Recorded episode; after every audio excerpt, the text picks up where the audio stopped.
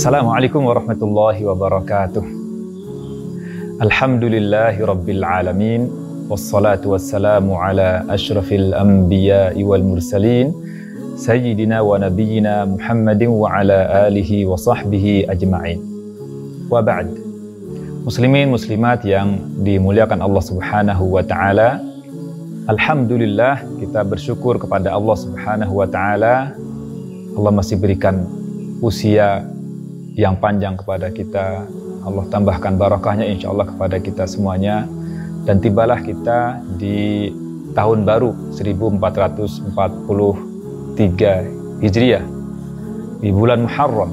Bulan Muharram merupakan salah satu bulan yang mulia di mana Nabi Shallallahu Alaihi Wasallam pernah bersabda, "Afdalus siyami ba'da Ramadan syahrullahil Muharram."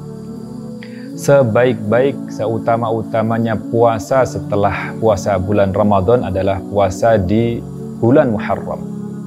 Tentu ini musim yang sangat mulia yang Allah sampaikan kepada kita, Allah berikan kepada kita agar kita memanfaatkan lebih baik lagi. Dan di antara puasa yang sangat dianjurkan untuk bisa kita lakukan adalah puasa di tanggal 10 Muharram atau sering disebut dengan puasa Ashura. Puasa Ashura artinya melaksanakan puasa di tanggal 10 Al-Ashir, tanggal 10 dari bulan Muharram. Di mana Nabi Shallallahu alaihi wasallam pernah ditanya bagaimana pahala berpuasa 10 Muharram? Nabi Shallallahu alaihi wasallam menjawab yukaffirus sanatal madiyah bahwa pahala puasa tanggal 10 Muharram ini menghapuskan dosa setahun yang lalu. Tentu dosa-dosa kecil. Dan sekiranya tidak punya dosa kecil, maka Allah Subhanahu wa taala akan tinggikan derajat di sisi Allah Subhanahu wa taala.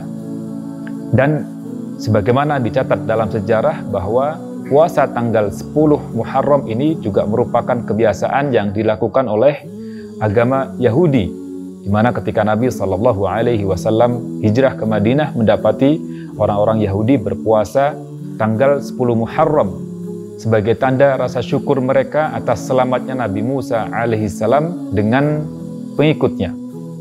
Demi mengetahui hal itu, Nabi Shallallahu Alaihi Wasallam kemudian bersabda, La imbaqitu ila qabilin la asuman Nabi mengatakan Shallallahu Alaihi Wasallam, sekiranya aku masih hidup hingga tahun depan, pasti aku akan berpuasa di hari kesembilannya.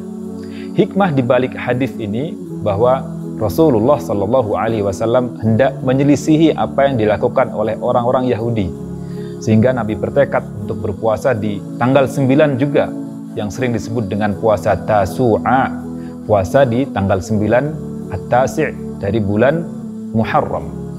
Sehingga para sahabat radhiyallahu anhum kemudian berpuasa tanggal 10 Muharram dan juga 9 Muharram meskipun Nabi Shallallahu alaihi wasallam di tahun mendatang sudah tidak lagi berpuasa karena Allah panggil Nabi Shallallahu alaihi wasallam menghadap keharibaan Allah Subhanahu wa taala.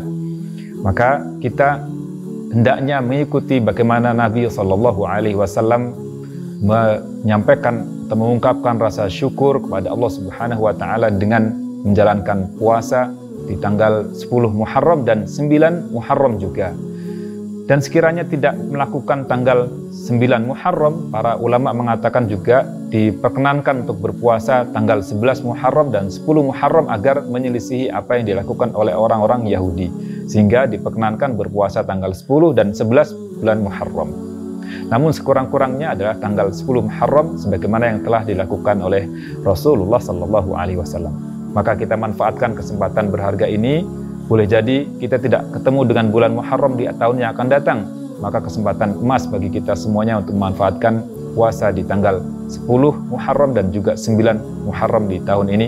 Semoga Allah Subhanahu wa taala tambahkan barokah kepada kita semuanya, menerima amal ibadah kita, Allah karuniakan sehat walafiat dan semoga Allah Subhanahu wa taala senantiasa istiqomahkan kita dalam setiap amal saleh.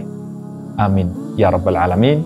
Wa sallallahu wa sallama wa baraka ala sayyidina wa nabiyyina Muhammadin wa ala alihi wa sahbihi ajma'in. Walhamdulillahi rabbil alamin.